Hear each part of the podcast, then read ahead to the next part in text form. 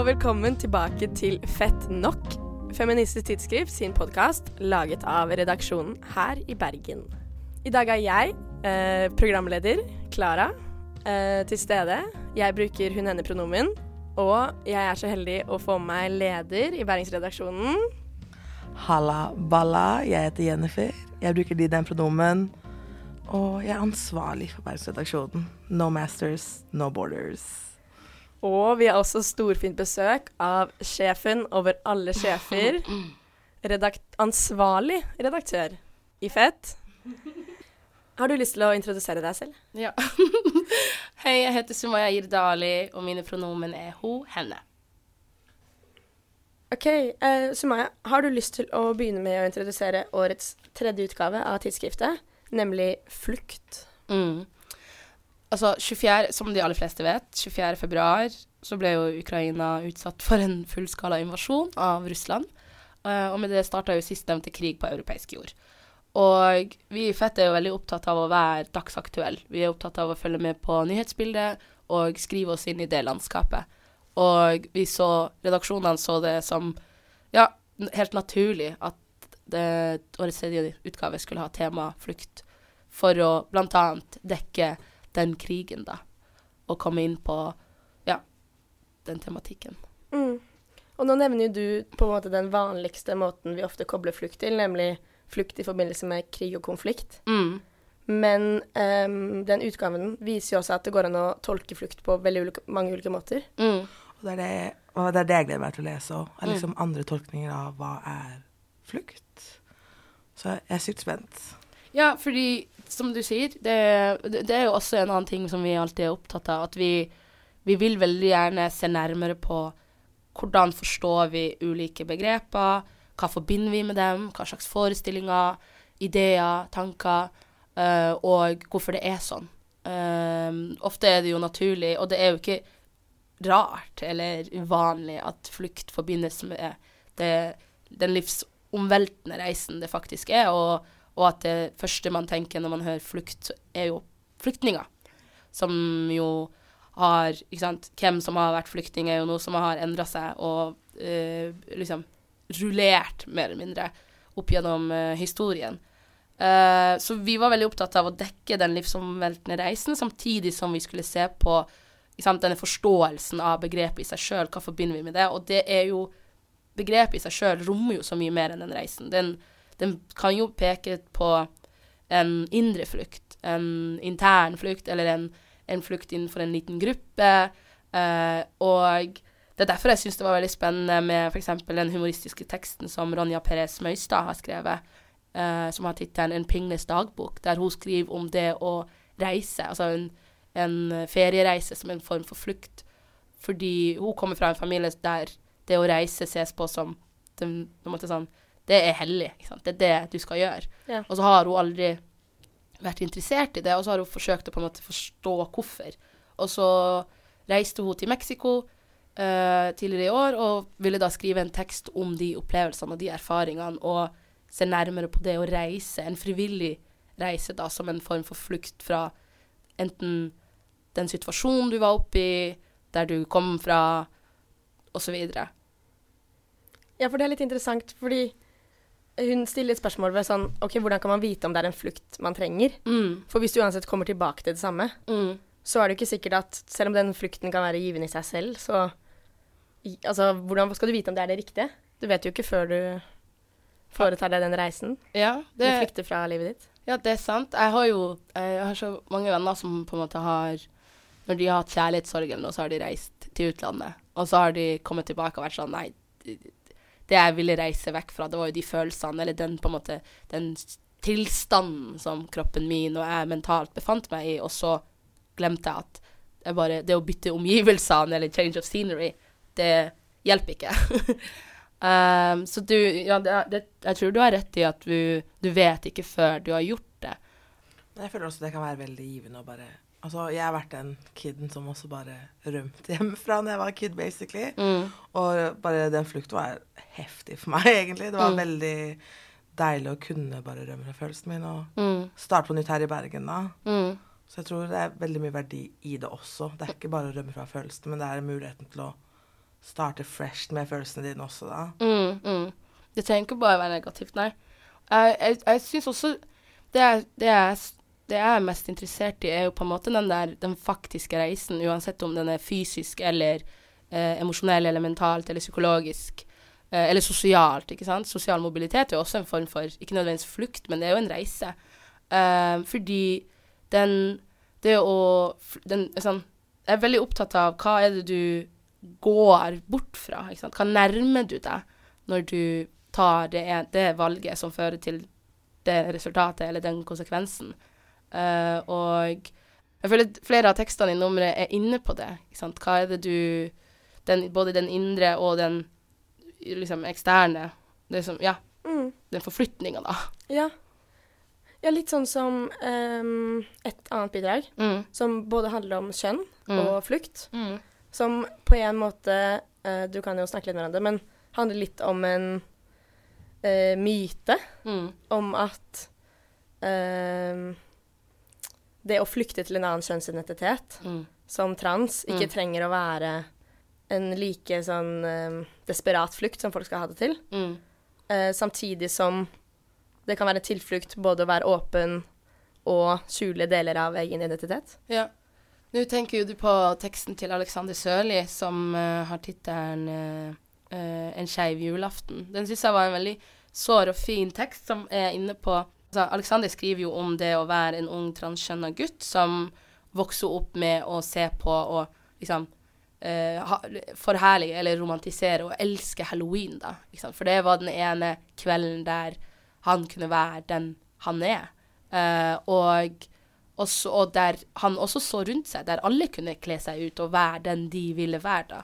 Samt, og det jeg syns er interessant med teksten hans, er jo at han For det første så adresserer han tidlig i teksten hvordan det å være trans, eh, eller det å foreta en transisjon, ses på av særlig TERFs og eh, eh, Hva heter det Folk som kaller seg for radikale feminister, f.eks. Uh, Konservative feminister. ja, Som Eh, som, som, da som ikke eh, respekterer eller eh, anerkjenner transpersoner eh, eksistens, og også rett og krav på et fritt liv. Eh, et liv fritt for diskriminering og hat og ekskludering og alt sånt. Eh, han adresserer veldig tidlig hvordan de ser på transisjon eller transpersoner som en person som flykter da, Mm. fra den de eh, biologisk eh, liksom ble født som.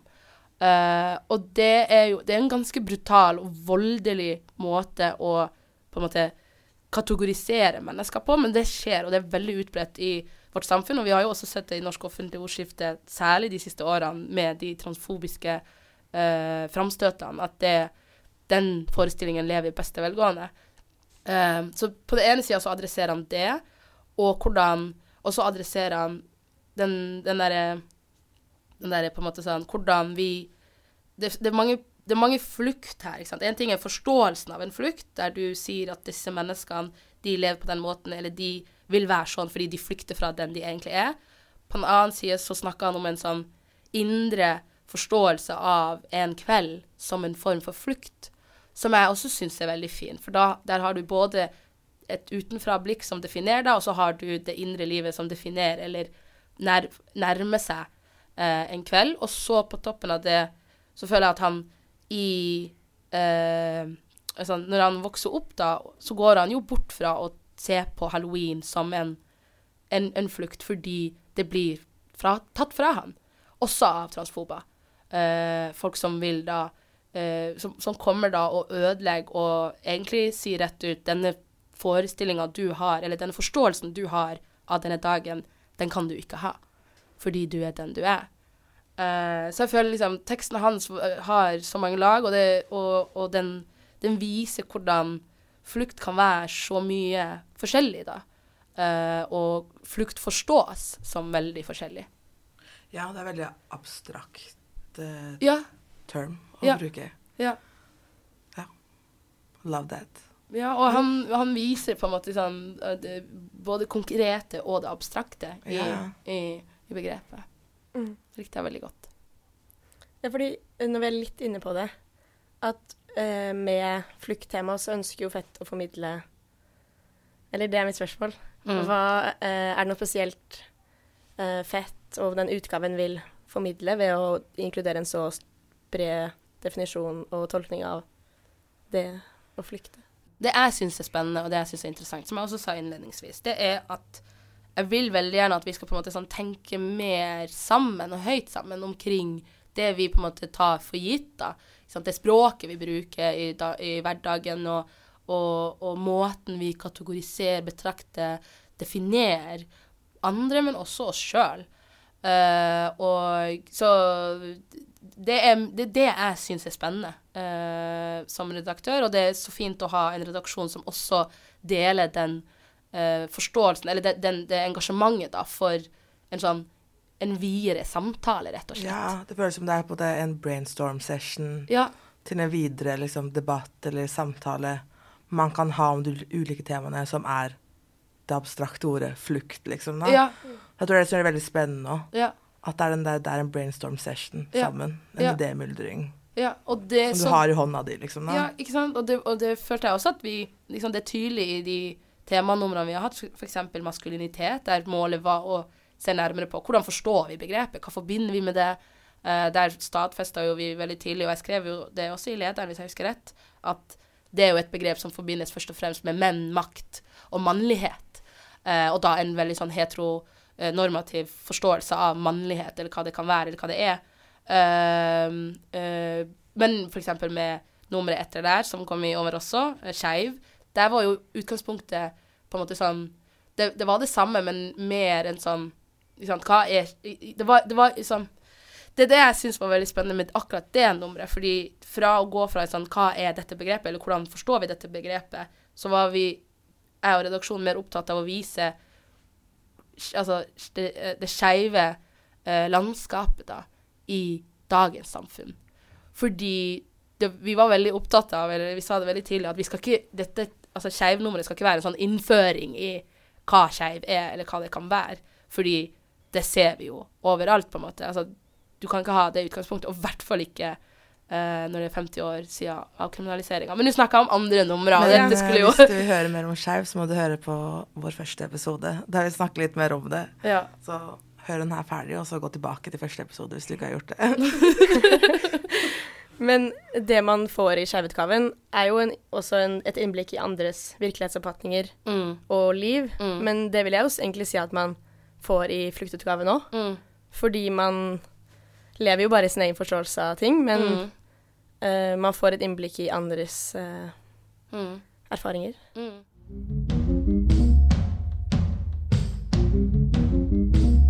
Jennifer, du er jo ikke bare en, et vanlig redaksjonsmedlem. Du er jo leder for Bergen-redaksjon. So true. Ja. Og jeg bare er nysgjerrig på hvilken av tekstene i nummeret som du har likt, eller som har ja, fått deg til å tenke. Eh, en av mine absolutt yndlingstekster i Flyktutgaven er eh, Mikki Gabriel sin tekst 'Vi står ved kjøkkenbenken'. Mm. Den likte som, jeg også veldig godt. Den var så fin. Jeg gråt som en liten baby når jeg leste den. Mm. Fordi mm. Jeg vet ikke, det er hits a spot når man snakker om den diasporaen i å være mm. I å flykte fra landet sitt. Da. Jeg tror veldig mye av sorgen jeg også følte, var sorgen for moren min mm. og familien min som blir igjen i landet. Vi er fra Colombia, moren min kom her på 80-tallet. Mm. Og det er en utrolig stor sorg og veldig sterkt. Og teksten så jeg hadde veldig mye sånn ensomhet og veldig masse sånn triste følelser. Mm. Som var egentlig veldig godt å bare lese at noen andre har skrevet. Mm, mm, mm. Også fordi Mik og jeg er venner, og det er bare mm.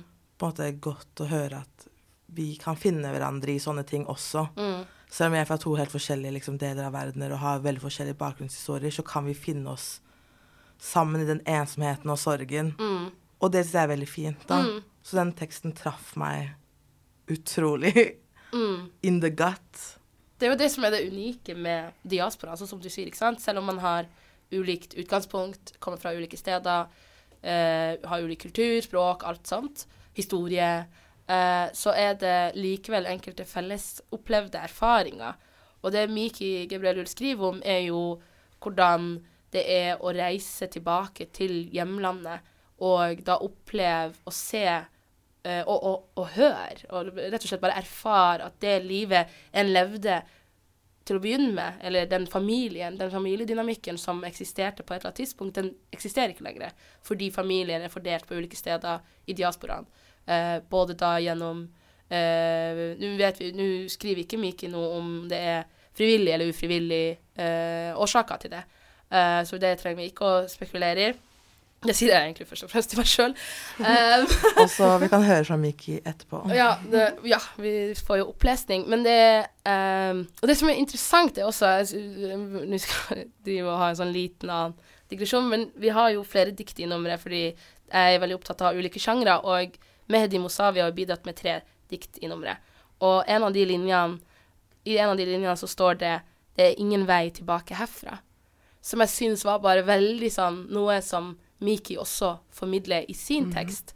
Uh, og jeg ble også veldig bevega av den teksten. Jeg får frysninger når jeg sier det, fordi det Jeg var opptatt av jeg og redaksjonen var opptatt av å lage et nummer som ja, utfordra forståelsen vår av uh, begrepet flukt. Uh, dekka både den livsomveltende reisen, men også frivillige former for flukt. Uh, samtidig som jeg vil veldig gjerne komme inn på diasporaen. ikke sant? De som har flykta, fått barn, som har blitt født inn i et nytt land, eh, et nytt kontinent, uh, eller som da bare har vokst opp, kommet hit som barn, sånn som eksempel jeg. Eh, og det blikket som ser tilbake på det som ikke lenger er, og det som kanskje aldri kunne ha vært da, det, den, den sorgen kommer så altså Det er nesten som en sånn svær bølge. Den kommer sånn subtilt, så ligger den der i teksten til Miki, og som bare, den bare slår deg ut. Ja. Og jeg tror ikke vi er de eneste som kommer til å bli bevega av denne teksten. Nei. Jeg tror det er veldig mange andre som da kjenner på Jeg tror heller ikke du trenger å ha gjennomgått en sånn reise sjøl for å egentlig forstå eller kunne på en måte la deg bli- bli berørt av en, en sånn total opplevelse av hjemløshet, da. Som jeg ikke tror nødvendigvis er liksom uh, Kan begrenses til enkelte erfaringer eller eh, enkelte kropper, rett og slett. Ja, så tenker man så kan ta det opp med, liksom, med teksten med til Alexander om det å liksom være trans. At Mm. det også liksom Det er ikke alltid du blir liksom tatt vel imot. Det er en Altså, man kan føle hjemløshet og ensomhet og den sorgen med det med familie, som Miki snakker om også. Mm, Når man også er skeiv eller trans eller liksom mm, kanskje ikke passer de der eh, normene som samfunnet har så lyst til å presse oss inn av. mm, At med en gang man liksom ikke passer den boksen, så kan man fortsatt kjenne seg igjen i de tekstene her. mm, Det er ikke bare for folk som har vært på flukt fra land, mm, Mm. men som igjen det store abstrakte ordet flukt, da. mm, Ja. Og han også finner jo litt tilhørighet ved å ha fellesskap med andre man kan dele erfaringer med. mm. Og det eh, har jeg inntrykk av at Miki kanskje introduserer litt Mm. uh, i en samtale med moren sin, mm, som de også inkluderer i teksten. mm, Og da kanskje finne fellesskap i de Og trekke tråder i de felles opplevelsene. Um, eller som kanskje kan være vanskelig å gjøre hvis man uh, selv har vokst opp i et annet land enn foreldrene sine, mm, og deler noen sider av uh, den opplevelsen, men ikke andre. mm. Ja, jeg, synes, jeg gleder meg veldig til å snakke med Miki om det her etterpå. Ja. Jeg tror det blir Ja. Kommer til å sikkert gråte. ja, I'm bringing my tissues. Uh, min er ready to go. Men du nevnte de diktene. Mm. Kan ikke du snakke litt mer om For jeg har helt ærlig ikke fått uh, Vi har jo ikke nummeret fysisk ennå. Det her er pre-press recording. Ja. Så jeg har ikke fått lest hele mappen, men kan ikke du kanskje snakke litt om de diktene? Jo, det kan jeg. Absolutt. Uh, vi har ikke bare dikt i nummeret òg, vi har også et uh, utdrag fra Carl Frode Tillers uh, roman fra 2021, hvis jeg husker rett, som også har tema Nei, som også heter 'Flukt', passende nok. Så vi har hele kapittel tre fra den. Og så har vi da dikt skrevet av Rune Berglund Steen, som er en poet som jeg virkelig holder veldig høyt. Jeg opplever, eller jeg mener at hans siste diktsamling, 'Europa, din vinge og storm', som eh, også er tittelen på eh, det utdraget som jeg har henta fra den samlinga. Eh, jeg syns den er skikkelig underrated. Den fortjener så sinnssykt mye mer eh, oppmerksomhet. Eh, nummeret starter med det eh, langdiktet. Og så har vi Mehdi Mosavi, som jeg nevnte, som har tre dikt. Og så har vi Fatme Ektesari, som også har tre dikt. Og så Jeg vet ikke, av en eller annen grunn, og jeg angrer på at jeg, det er ikke en, et valg jeg tok for alle numrene jeg har redigert så langt. Så, eh, fordi jeg blir så glad i å ha dikt på baksida, eller en tekst. Eh, da hadde vi med Skeiv. Da var det en sånn tekst fra en eh, forskningsartikkel som, handla, som da utforska forståelsen av begrepet queer, som vi oversatte til Nei, vi hadde den på engelsk, faktisk, på baksida. Um, det tror jeg ikke hadde gjort igjen. Uh, men vi har i Fluktnummeret så har vi et av de diktene som Fatima har bidratt med på baksida, og det er så ufattelig vakkert. Og den siste linja uh, Der skriver Fatima at uh, hun slår rot i i all jord, i uendelig utlendinghet, eller noe sånt. Og det, det bare nå siterte jeg det sikkert ikke riktig engang, men den, den, er Altså, det Ja. Så jeg, jeg, gleder meg til folk får lese dem. Altså, jeg tror de kan være De er forskjellige, de, de prater om De har utgang, forskjellige utgangspunkt, men de er veldig, veldig, veldig sterke og fine. Mm. Så ja, jeg er blitt så glad i å ha, som jeg sa, dikt på baksida. Uh, og dette diktet har Fatime bidratt med. Hele dette gråtkvalte diktet og mine tårevåte øyne. For den beste latteren i verden, gutten min, som var i mitt liv, og som jeg fortvilet forsøkte å holde unna sorgen. Jeg la ham i en koffert med minner. Uten å ha reist eller kommet frem, er jeg fortsatt underveis. Selv om jeg på flyturen fra vårt helvete styrtet, og mine vinger og fjær tok fyr og opprørets tre i hagen ble hugget ned med øks, slår jeg rot i all slags jord i utlendinghet. Wow. wow. Tenk at hun har skrevet det. altså, wow. Fra en poet til en annen. jeg må lære alfabetet på nytt igjen, altså, for det er ikke samme bokstaven jeg har. Det, det, wow. Jeg gleder meg jeg syns det er også så fint å ha det på baksiden. Mm. Det er så en utrolig sterk avslutning mm. til en idémyldring mm. av en utgave, liksom. Mm. Det er veldig sterkt. Mm. Ja, fordi rekkefølgen i uh, tidsskriftet er jo ikke tilfeldig. Du nevnte jo nå hva som hva utgaven innledes med. Mm. Og hvor fortsetter det derfra? Jeg er veldig glad i altså Jeg tenker veldig, veldig lenge og veldig nøye på rekkefølge. Fordi jeg er veldig opptatt av, som jeg sa tidligere, ulike sjangre. ikke sant? Jeg vil ha poesi, jeg vil ha uh, Jeg er veldig dårlig på Så langt har jeg som redaktør vært dårlig på å ha noveller, så det må jeg bli flinkere til. Eller du er, på. Du er jo poet selv. Men jeg liker ikke noveller personlig, så det er vel sikkert det. wow, you heard it here first. Brannfakkel, brannfakkel. The hardest take of the season. Jo, men det, det er faktisk den, den uh, Jeg tror jeg har lest én novelle som jeg har elska. Oh uh, og Men uh, jeg har bare alltid styrt unna. Det er bare Det, det, det er sånn altså sånn, eh, hva heter det, formmessig eller sjangermessig, eller hva man skal kalle det, så er det veldig Det er så begrensa, ikke sant. Du skal få folk, det skal være korttidsperiode, jeg alt sånne ting. Jeg elsker noveller. Du gjør jeg skal aldri vise deg noe av det jeg har skrevet nå. Ja, jeg er helt uenig. I et dikt får du altfor lite, ja. syns jeg. Ja.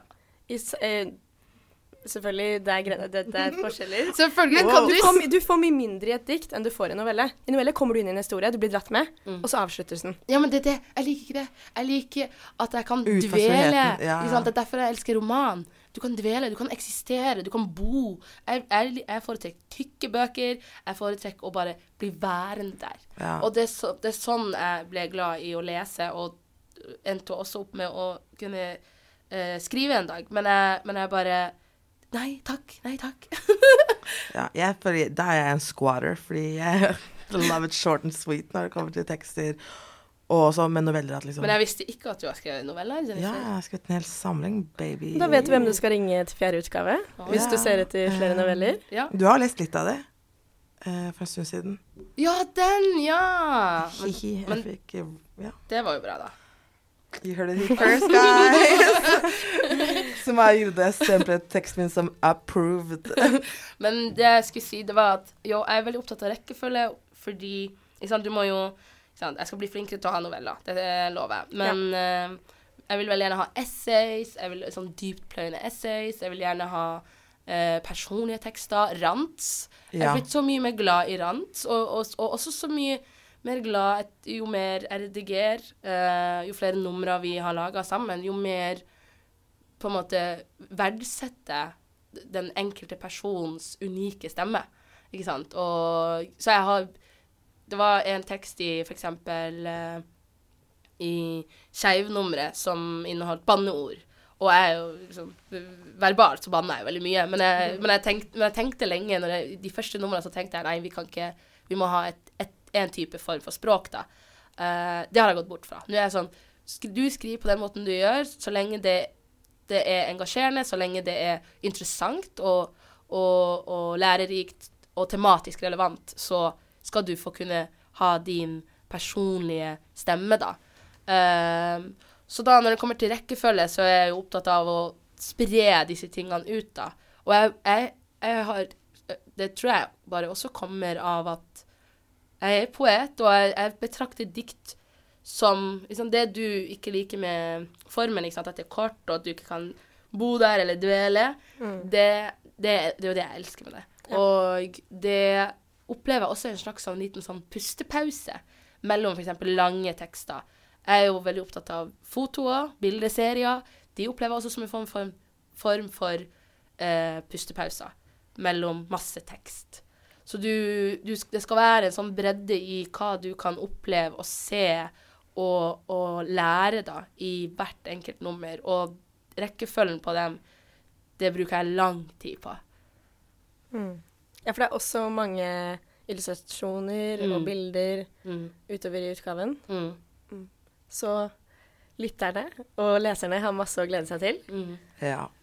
Jeg er litt spent. Men kunne man kanskje hatt et godt gammeldags kåseri til og med i fett, da? Det kunne man. En liten tulletekst, liksom? Det tror jeg. Jeg Det, tror det hadde vært veldig gøy. 100 Og jeg, jeg opplever jo teksten til Ronja, eksempel, som jeg nevnte, den opplever jeg som veldig hum humoristisk og ironiserende. Eh, hun liksom hun, har- hun har møtt på en dame på den reisen hun var på, som hun har bare titulert som vegan babe. Eh, og, og en mann som da eier en eller annen sånn hotell eller et eller annet sånn resort eller noe som hun bare kaller konsekvent for dansken. Ja. Eh, Uten at dette blir noe poeng. Det blir ikke gjort noe poeng av det. Nei, Bare, det er bare Ikke sant. Det er bare Så du Det, det Come as you are, tenker okay, jeg. Men da, lyttere, da får dere bare sende inn bidrag til neste nummer når den tiden kommer, da. Ja. Og så tenker jeg kanskje vi kan runde av med Sumaya Jirdali og gå og ta oss en pils i sola. Det gjør vi.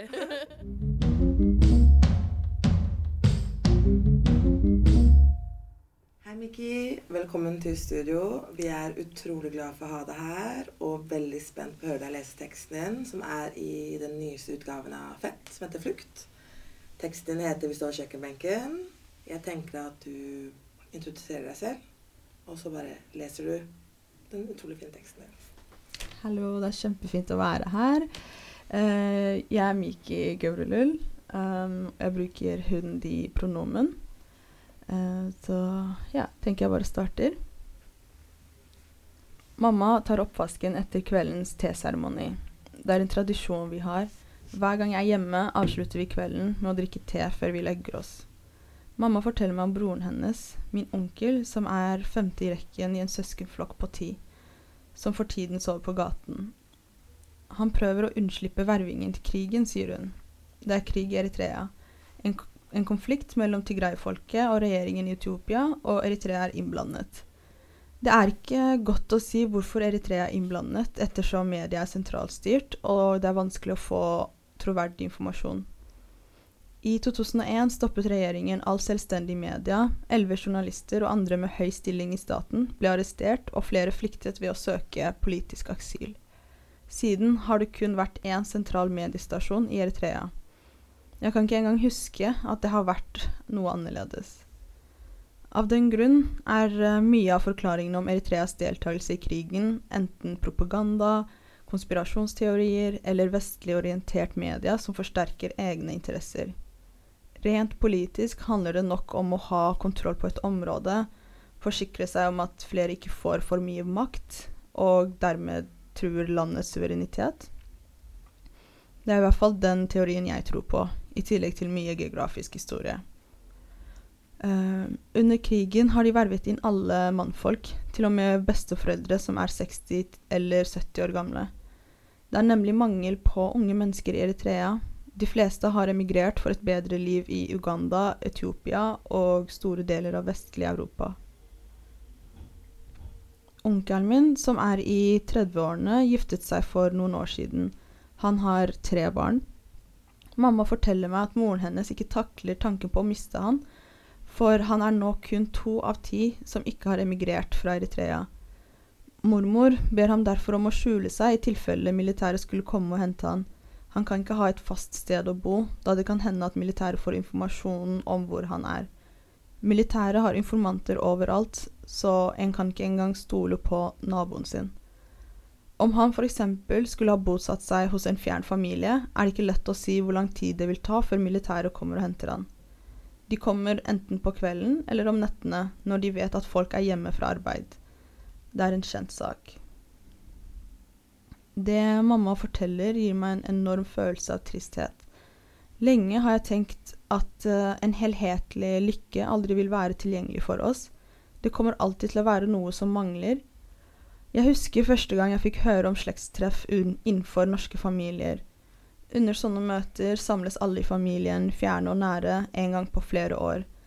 Det er en mulighet jeg vet at aldri kommer til å være tilgjengelig for meg. Jeg gråter foran mamma.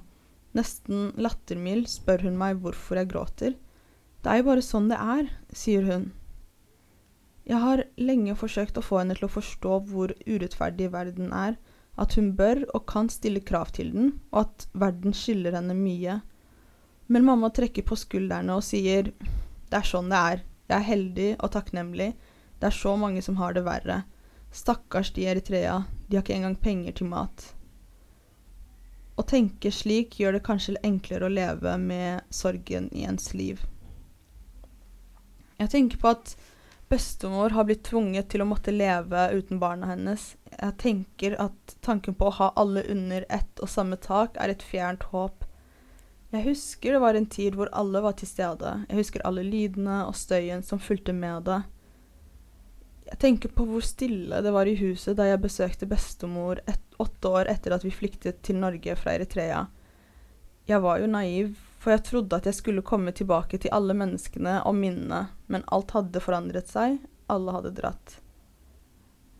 Da jeg skulle tilbake til Norge etter det første besøket og skulle si farvel til familien, sa farva, farfar til meg at han hadde forbannet sin egen sønn.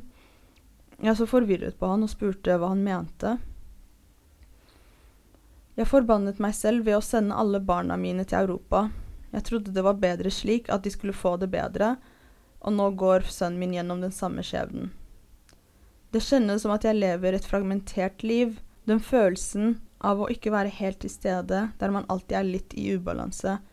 Å flykte til et nytt land gjør deg også til et subjekt for en annerledesgjøring som farger hele din tilværelse. Det er en av mange grunner til at jeg tenker at helhetlig lykke ikke er ment for meg. Uansett hvor glad jeg er, er det alltid en side ved meg som lengter etter noe annet, eller føler at noe mangler. Tusen takk. Wow. Tusen takk, Mikkel. Uh, det er for en utrolig fin tekst, Mikkel. Tusen takk. Jeg har lyst til å spørre deg hva bakgrunnen er for at du begynte å skrive på den teksten her. Um, det var veldig tilfeldig. Um, jeg tror bare ofte så man, Jeg bare går som oftest rundt og tenker på samtaler jeg har hatt med familie, og tenker hvilken betydning det har for meg. Um, og den samtalen var jo en samtale jeg hadde med mamma noen dager før jeg skrev teksten, eller en uke før eller noe. Og jeg bare kom hjem, og jeg skulle egentlig gjøre noe helt annet, men så bare satte jeg meg ned og skrev. Og så visste jeg at uh, Født hadde denne utgaven her, og så var jeg sånn OK, kanskje det passer å sende den dit. Men det var egentlig bare en sånn tankestrøm, nesten som en dagbok. Ja, det merker man jo litt i flyten i teksten òg. Mm. At det kommer på en måte som en tanke for tanke. Ja. Ja, det føles veldig personlig ut. Man kan kjenne at det er en personlig tekst på en måte. I Ja. ja, formatet. Det er engelskteksten min i denne Wow. I said it. You heard it here first. Hvor, eh, hvordan endte du på tittelen? Ehm, vi står ved kjøkkenbenken, kommer av at uh, det er egentlig første setningen i teksten, og så har det bare blitt til tittel. Uh, for det var jo det vi gjorde. Jeg sto ved kjøkkenbenken med mamma, og så um, bare hadde vi en helt sånn tilfeldig samtale. Og så husker jeg egentlig ikke engang hvordan vi kom inn på det med at hun skulle fortelle om uh, broren sin. Uh, og det er jo noe som også ofte skjer, er at plutselig så bare forteller foreldrene våre om ekstremt traumatiske og vanskelige historier, og de bare er sånn Ja, ja, sånn Det er det som skjer. De bare traumadumper på oss. Ja, for den tittelen er jo veldig hverdagslig. Mm. Og det virker som at du stusset litt ved at moren din la fram en sånn historie som noe hverdagslig. Ja, eller jeg tror jeg stusset litt mer overfor hvordan det hun fortalte meg, um, satte så mye mer større preg på meg enn det gjorde for henne, når det egentlig er noen hun står nærmere. Um, altså både det at hun forteller liksom Bare den setningen over at hun sier at moren hennes tvinger broren hennes til å på en måte sove ute bare fordi hun er redd for at han skal bli vervet inn til krigen. At det er så noe som er så Ja, ja, ja, men det er en overlevelsesteknikk. Og så for meg så er det bare sånn å tenke på at herregud, stakkars er mormor redd for uh, at det skal skje når hun har mistet typ, hele familien sin. Og hvis man ikke er trygg hjemme, hvor skal man være trygg da? Ja, og det, det er et privilegium å kjenne på trygghet. Ja. Jeg ikke, jeg vet. Det, jeg har noen punkter av teksten din som jeg har skrevet ned, for jeg syns det var så fint. Eh, vi snakker jo om det med onkelen din. Og det, det kåte du skriver som farfaren din sa med 'Jeg forbannet meg selv ved å sende alle barna mine til Europa'. Jeg trodde det var bedre slik, at de skulle få det bedre, og nå går sønnen min gjennom det samme. Den samme skjebnen. Jeg føler It's giving generational trauma. og jeg vet ikke, hele den teksten her føler det er så betryggende for meg nesten å lese det her. Fordi vi to er fra helt forskjellige deler av verden. Vi har veldig forskjellige bakgrunner. Og jeg sa det her til Sumaya tidligere, at teksten har så mye ensomhet og sorg over seg. Men på en betryggende måte. For jeg vet at vi kan finne fellesskap i den følelsen av at vi heller ikke er alene i den sorgen om å ikke kunne dra på slektstreff, eller ikke kunne bare besøke bestemor og bestefar.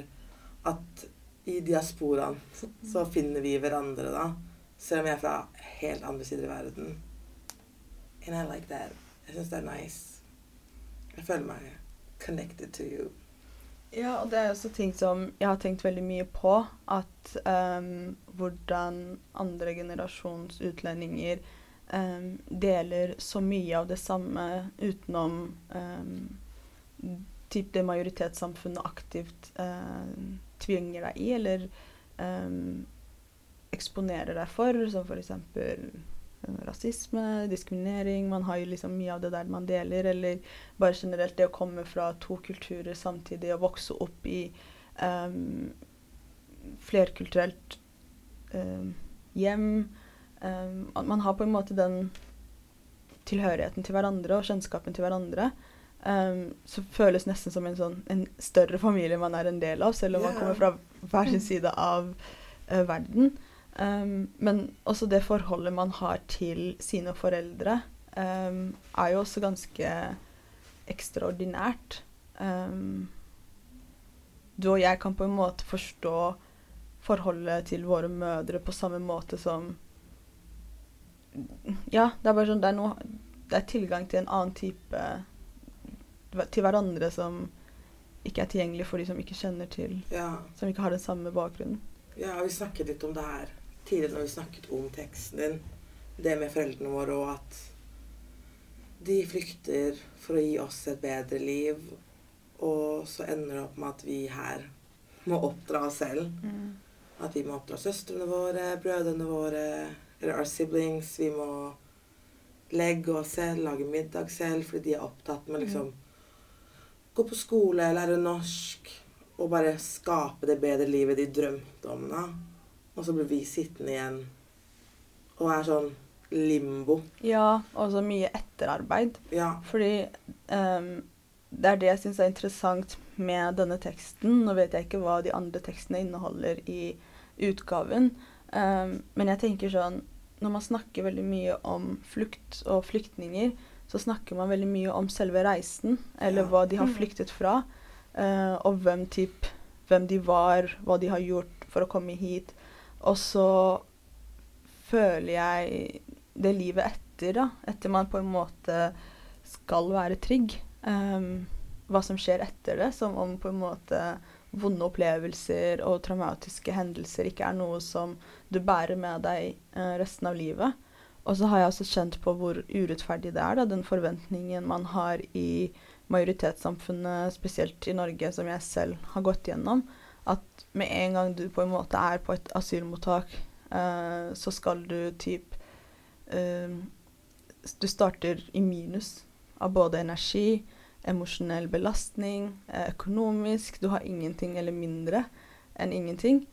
Um, og så er det bare forventa at du skal bare finne deg til rette og klare deg så bra. Ja. Lære språket så fort Ja, som mulig. Ja, og bare Begynne på skolen. Uten, Ja, og det er sånne ting som jeg liksom vet har vært veldig vanskelig for meg og familien å bare Altså, reisen var ikke så traumatisk som det å komme til et helt nytt land og bare Altså, det så altså, Jeg tror jeg var bare sånn Ja, for jeg tenker sånn, hva gjør det med Som jeg sa samme generasjon at det er sånn Hva gjør det med psyken vår om å bli oppdratt mm. med foreldre eller ledsagere som Mm. er i minus Ja, ja. i den sosiale kapitalen? ja. Hva gjør det med oss, som jeg sa i stad, som må oppdra seg, basically? Eller oss selv, basically, fordi de er i jobbe. Det er jo veldig Du vokser jo sammen med dem. ja, Vi de lærer er oss jo sammen. man eh, som andregenerasjons barn, eller bare barn av flyktninger, så eh, det var jo sånne ting som jeg og mamma snakker om, og noe som hun også sier veldig ofte, er at sånn Ja, men du har vokst opp sammen med meg. Vi har på en måte blitt voksne samtidig. Fordi hun trengte å bli voksen på nytt da, i et nytt land, forholde seg til nye kulturelle regler. Og selvsagt jeg som ung um, var jo mer tilpasningsdyktig enn henne. Uh, så jeg klarte å sette meg inn i denne her nye rollen og det nye livet mye fortere. Så ender jeg opp med å på en måte være hennes veileder enn motsatt. Mhm. Uh, oversetter tekster, er tolk i mine egne uh, sånn undervisningssamtaler man hadde Ja, med sånn lærere. foreldresamtaler. Ja, Men da har du jo en frihet som ja, kan du det litt, men samtidig så har du jo på en måte ingen som kan ta vare på deg som den omsorgspersonen i tilfeller der det gjelder. Uh, spesielt med skole, hva enn det er. Sånn, hvis du har lyst til å gjøre noe, du har på en måte ingen å Hva skal jeg si eh, lene deg på. Ja, og så er det ofte at foreldrene lener seg på, på deg, da. Mm. Fordi du kan kanskje språket, du har kanskje mer norske venner, eller liksom Man er mer i den kulturen, så man blir også på en måte psykologen og noen ganger foreldrene til sine egne foreldre. Så jeg tenker ikke er lett for Mm. dem. For de er jo voksne og kommer Mm. sånn Altså Jeg kan ikke se for meg hvordan det har vært for moren min. Hun kom til Norge og 27 år gammel og flykte fra, eller dra fra venner, familie, jobb, kjæreste Hele livet sitt og røttene sine. Mm. Å komme her og så ikke liksom Hvordan ber man om hjelp her? Ja. Hvordan lærer man å be om hjelp her? Når man er oppvokst, det er bare sånn Du må overleve. overleve Og så skal du jo egentlig helst ikke be om hjelp. Ja. Du skal helst være den enkleste, ja, den enkleste personen å ha med å gjøre i det Ja. nye samfunnet som du er tvunget inn i, som du ikke hadde noe valg. Um, og det er sånne ting som jeg håper kommer frem i teksten, som jeg ville, ville formidle, var jo at altså, Som jeg sa i stad, sånn, ja, når man snakker om flukt, så snakker man ofte om hele reisen frem til man kommer til et sted.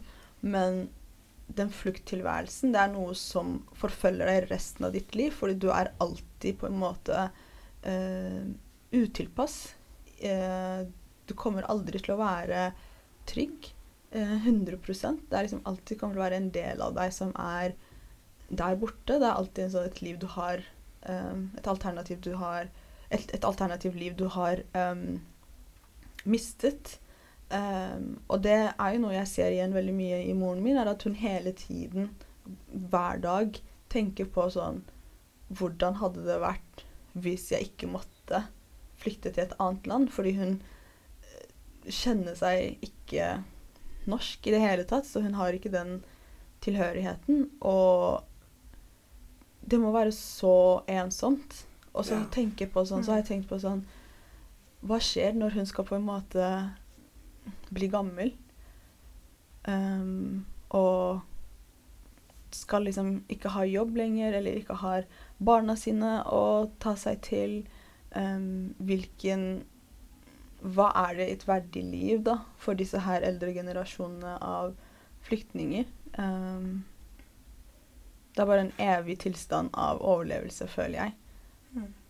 Ja, for selv om man finner seg til rette i det nye landet, så ja, har, Det er jo naturlig kanskje at man har den baktanken om det andre livet som kunne vært Mm. sitt, Ja, uten at man vet hva det hadde vært. Ja, og spesielt siden du Du ble jo tvunget til å dra, det var ikke et valg du tok selv. Og som for mamma, da, å på en måte ikke ha muligheten til å være ved sine foreldre når de blir eldre. Så hun har jo på en måte gått et helt liv før hun kom til Norge og tenkt hun skal være med familien sin. Uh, og det er jo også en viktig forskjell som man har mellom Vesten og eh, den globale majoritetsverdenen, er jo at man er så kollektivistisk. Man har liksom alltid tenkt at du kommer aldri til å være alene i hele ditt liv. Um, så det er ikke på en måte det samme som uh, hvis jeg, da, som også har klart å uh, innta den da individualistiske tankegangen, plutselig vil reise ned til eh, et annet land, et annet kontinent, og velger et liv der. Um, de har på en måte alltid sett for seg at de skulle liksom vokse med familien, de skulle få barn, og de skal være med familien. Ofte så bor man flere generasjoner i samme hus, og det er slik de vil ha det. Um, og så er så er plutselig hun fanget i en eller annen liten by med bare fremmede for resten av sitt liv. Det er sånn Det må Ja, når være man- veldig smertefull. Ja, når man drømmer om et evigvarende slektstreff. Ja, det er det. Og så vite at det aldri kommer til å være en mulighet uh, for deg hvor alle kan være samlet inn i, og sam i samme rom igjen. Det er bare sånn Ja, for liksom selv om man drar ned til landet og besøker foreldrene sine, besøker søsknene sine, så står man alltid og tenker på sånn Å, hvor er hun? Hvor er hun søsteren? Hva gjør hun nå? Hvordan går det med henne? Det er alltid noen som mangler. Ja, så tenker jeg også at for min del, når vi drar hjem, så føles det ofte ut som Altså, jeg vet jeg elsker Colombia med hele hjertet mitt, men jeg lander jo, og så møter jeg mennesker jeg ikke har sett på noen år. Og det er sånn jeg må bli kjent med dem på nytt igjen. Og så er det den sorgen at jeg kommer til å dra hjem. Og så kommer jeg til å se dem om to år. Kanskje jeg må se, spare penger til neste billett. Så man drar ned, og man får den lille følelsen av fellesskap. Jeg føler jeg rekker å bli varm i trøya, liksom. For jeg var sånn Nå må jeg hjem til kalde Norge alene. Ja. og det er veldig ensomt og veldig hjerteskjærende. Og heller aldri kunne connecte med dem på den måten jeg alltid har drømt om å connecte med dem. Det er sånn Jeg også kunne møte besteforeldrene mine en gang i uken, eller bare ta en kaffe med en tante. Uten å liksom international WhatsApp. Finne, Ja. finne dekning oppe på fjellet i Colombia og ringe hverandre. Ja, og det er jo det jeg har um, lenge tenkt på den ideen om Altså ja, nå med sosiale medier så er det ja, Nå er det veldig mye snakk om generasjonstraumer. Um, og hvordan er det de opererer egentlig? For jeg føler kanskje sånn, eller i hvert fall slik jeg har forstått det, så, eller slik jeg tolker det, så er det en viss um, forventning eller en viss tolkning av selve begrepet som handler om at det skal være en sånn genetisk overførbar traume, hvis du skjønner at det er noe som sitter genetisk i oss, og det er det sikkert òg. men for meg så representerer også det ordet akkurat det du sier, at bare en, liksom et flyktningsliv hvor mange som dras inn i det. Altså en hel familie blir inndratt i dette her, og ikke bare Um, så jeg kjenner på det på min egen måte, som det du sa, vokse opp i et hjem der foreldrene ikke kunne være like til stede fordi de måtte ha dobbeltvakter for å overleve. De har ikke det sikkerhetsnettverket de vanligvis har hatt, uh, og vi kjenner på det ved den mangelen.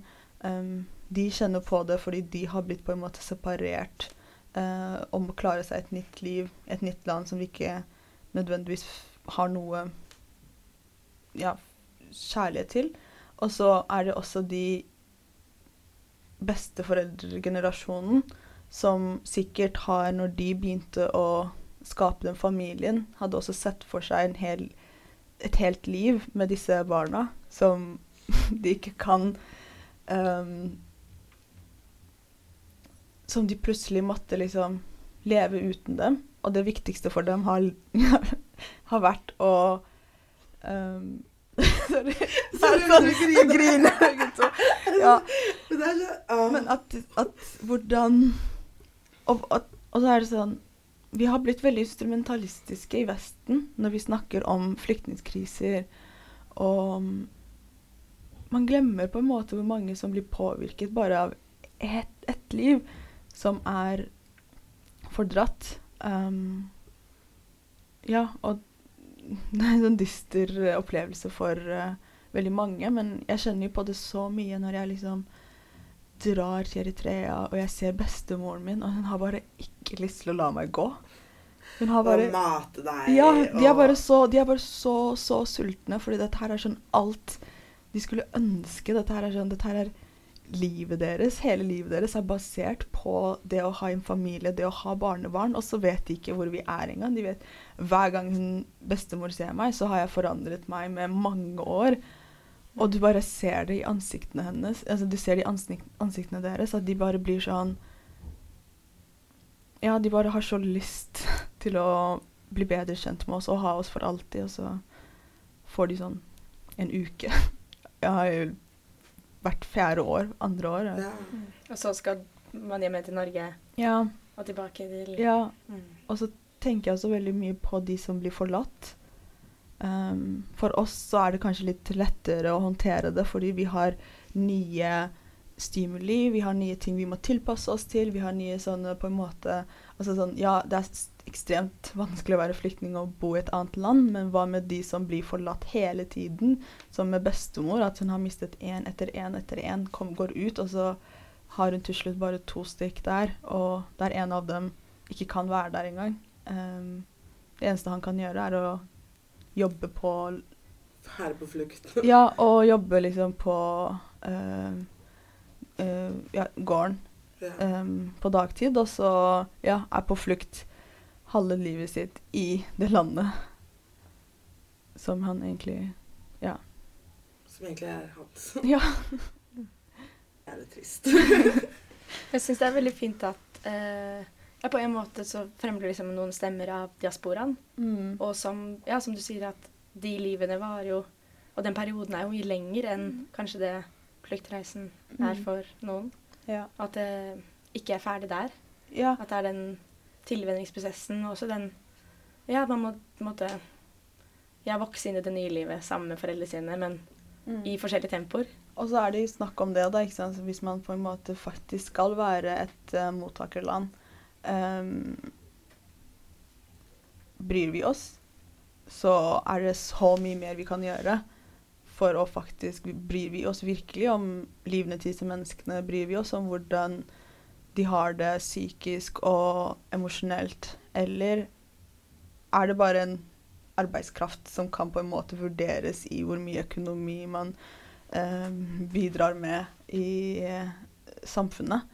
Um, som er en et politisk tema som er altfor lite pratet om. Og Man snakker veldig mye sånn, Når jeg sier instrumental, så mener jeg veldig mye sånn De snakker veldig mye om tall, hvor mange flyktninger kan komme inn, hvor mange har vi plass til egentlig.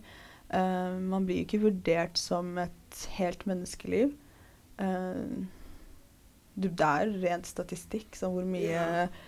har vi råd altså sånn, det, det, blir veldig mye sånn Å ja, OK, men hvis vi får inn så og så mange, hvordan, hvor lang tid tar det? Hvor mye koster det samfunnet før de er verdt noe rent økonomisk? Um, og så bak alle disse tallene her, så er det mennesker som står og bare Altså, ja. Den ja, ja, hvordan kan man bare Ja, som sagt, hvordan kan man tenke mer humanistisk i prat om flyktningmodeller og eh, asylpolitikk? Jeg tenker steg én er å fuck kapitalisme. ja. og vi må jo uproot the system. Mm. Det er jo Ja, og det skjer jo in the grassroots i aktivismen, som også du er en del i. Som jeg føler er en positiv ting ut fra liksom, dette livet og de erfaringene vi har fått pga. foreldrene våre, er det at I hvert fall jeg, og jeg vet at de også har en stor måte, kraft og lyst til å rette på urettferdighet. Mm. Og at vi kan se andre på en helt annen måte enn det andre mennesker kan. På at vi har de erfaringene her.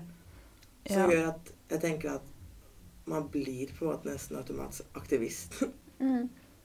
Ja, ja. Og jeg tenker det er en stor del av det å være aktivister også. Handler ikke nødvendigvis om å hele tiden være i um, liksom protest mot uh, Eller sånn, jeg være i sånn opposisjonsmakt, men at i like stor grad så handler det om å på en måte bygge opp uh, sine egne folk. Og egentlig først og fremst, vil jeg si, å finne liksom styrken inn i hverandre og finne ut sånn OK, men hvem er vi? Hva gjør vi? Og hvordan kan vi først og fremst på en måte hjelpe hverandre på de punktene der som er så utmattende? Og som eh, er med på å drive deg ned og ta fra deg den der energien til å kunne faktisk kjempe mot urettferdigheter. Da. Som f.eks. økonomisk press. Eh, og det å ha et område hvor du uforskammet kan spørre sånn Hei, jeg sliter med dette her. Kan dere hjelpe meg med det? Og at folk er sånn Selvsagt kan vi det. Dette, her, dette kan vi gjøre. Og så etterpå så har de mulighet også til å på en måte Da har de Hva heter det? Det er sånn overskudd til å kunne hjelpe der det er mulig for dem å hjelpe, da, på den måten de kan. Um, å jobbe litt strategisk på den måten tror jeg er uh, oppskriften til en bedre aktivistisk kamp som kan faktisk få til en endring og utvikling. Uh, I motsetning til at man hele tiden er i angrep eller i forsvar. Eh, men at man opererer også innad i miljøene sine og bygger opp hverandre. Det var fint sagt. Og at aktivisme ikke bare er det derre Jeg er litt fint med at, aktivistisk, um, at et aktivistisk fellesskap kan gi mer enn Mm. bare det framskrittene man tar politisk, men Mm. også ja, styrkene ved å være et fellesskap og Mm. ja, finne folk man har ting til felles med. Ja, ja, fordi du må jo på en måte beskytte deg selv og dine. Um, og hvis vi ikke står opp for hverandre, så er, vi, så er man lettere å knekke enkeltvis. Uh, og det er det de vil. de vil gjøre oss for slitne til å kjempe. Ja. Eh, Og med det la oss gå Styrte staten. Kødda.